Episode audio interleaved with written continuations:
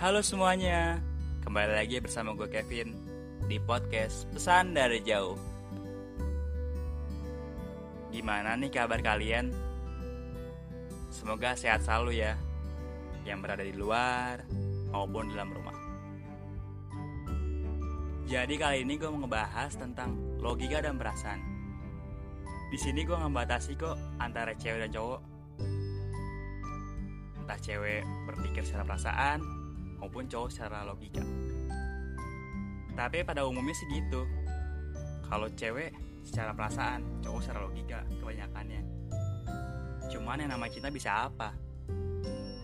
Perasaan yang udah tulus untuk laki-laki itu, eh ternyata dia ngebalasnya dengan logika.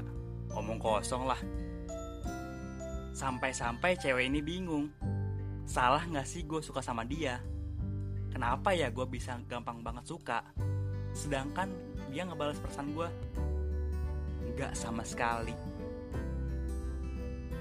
Pengen banget rasanya diduain. Gak apa-apa deh yang penting gue bahagia.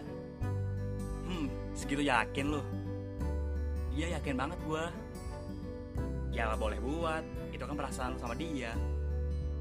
Tapi ingat Jangan sampai membuat lo menjadi lupa Apa tujuan awal lo sebenarnya. Menyatakan cinta atau buta karena cinta. Ya inget kok gue Kalau cowok ya gampang baperan sih ya Kalau secara perasaan ya. Kayak misalkan cewek itu yang gak pekaan ya Udah tahu lo udah ditolak gitu misalkan. Tapi ya cowok eh si ceweknya gak peka Ya gimana ya? Yang ada jadi teman teman teman. Seriusnya kapan cuy? Cowok tuh juga butuh kepastian. Nggak bisa dijadiin ruangan untuk menampung masalah dia doang. Coba dibalik mau nggak digituin? Ya Devin. Ya udah sih jangan buat diri lu susah jangan buat ribet.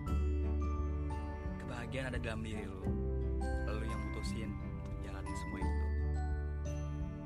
Jadi diri sendiri jangan menjadi orang lain. Hingga lupa apa apa yang ada sebenarnya tujuan dalam diri lu sebenarnya.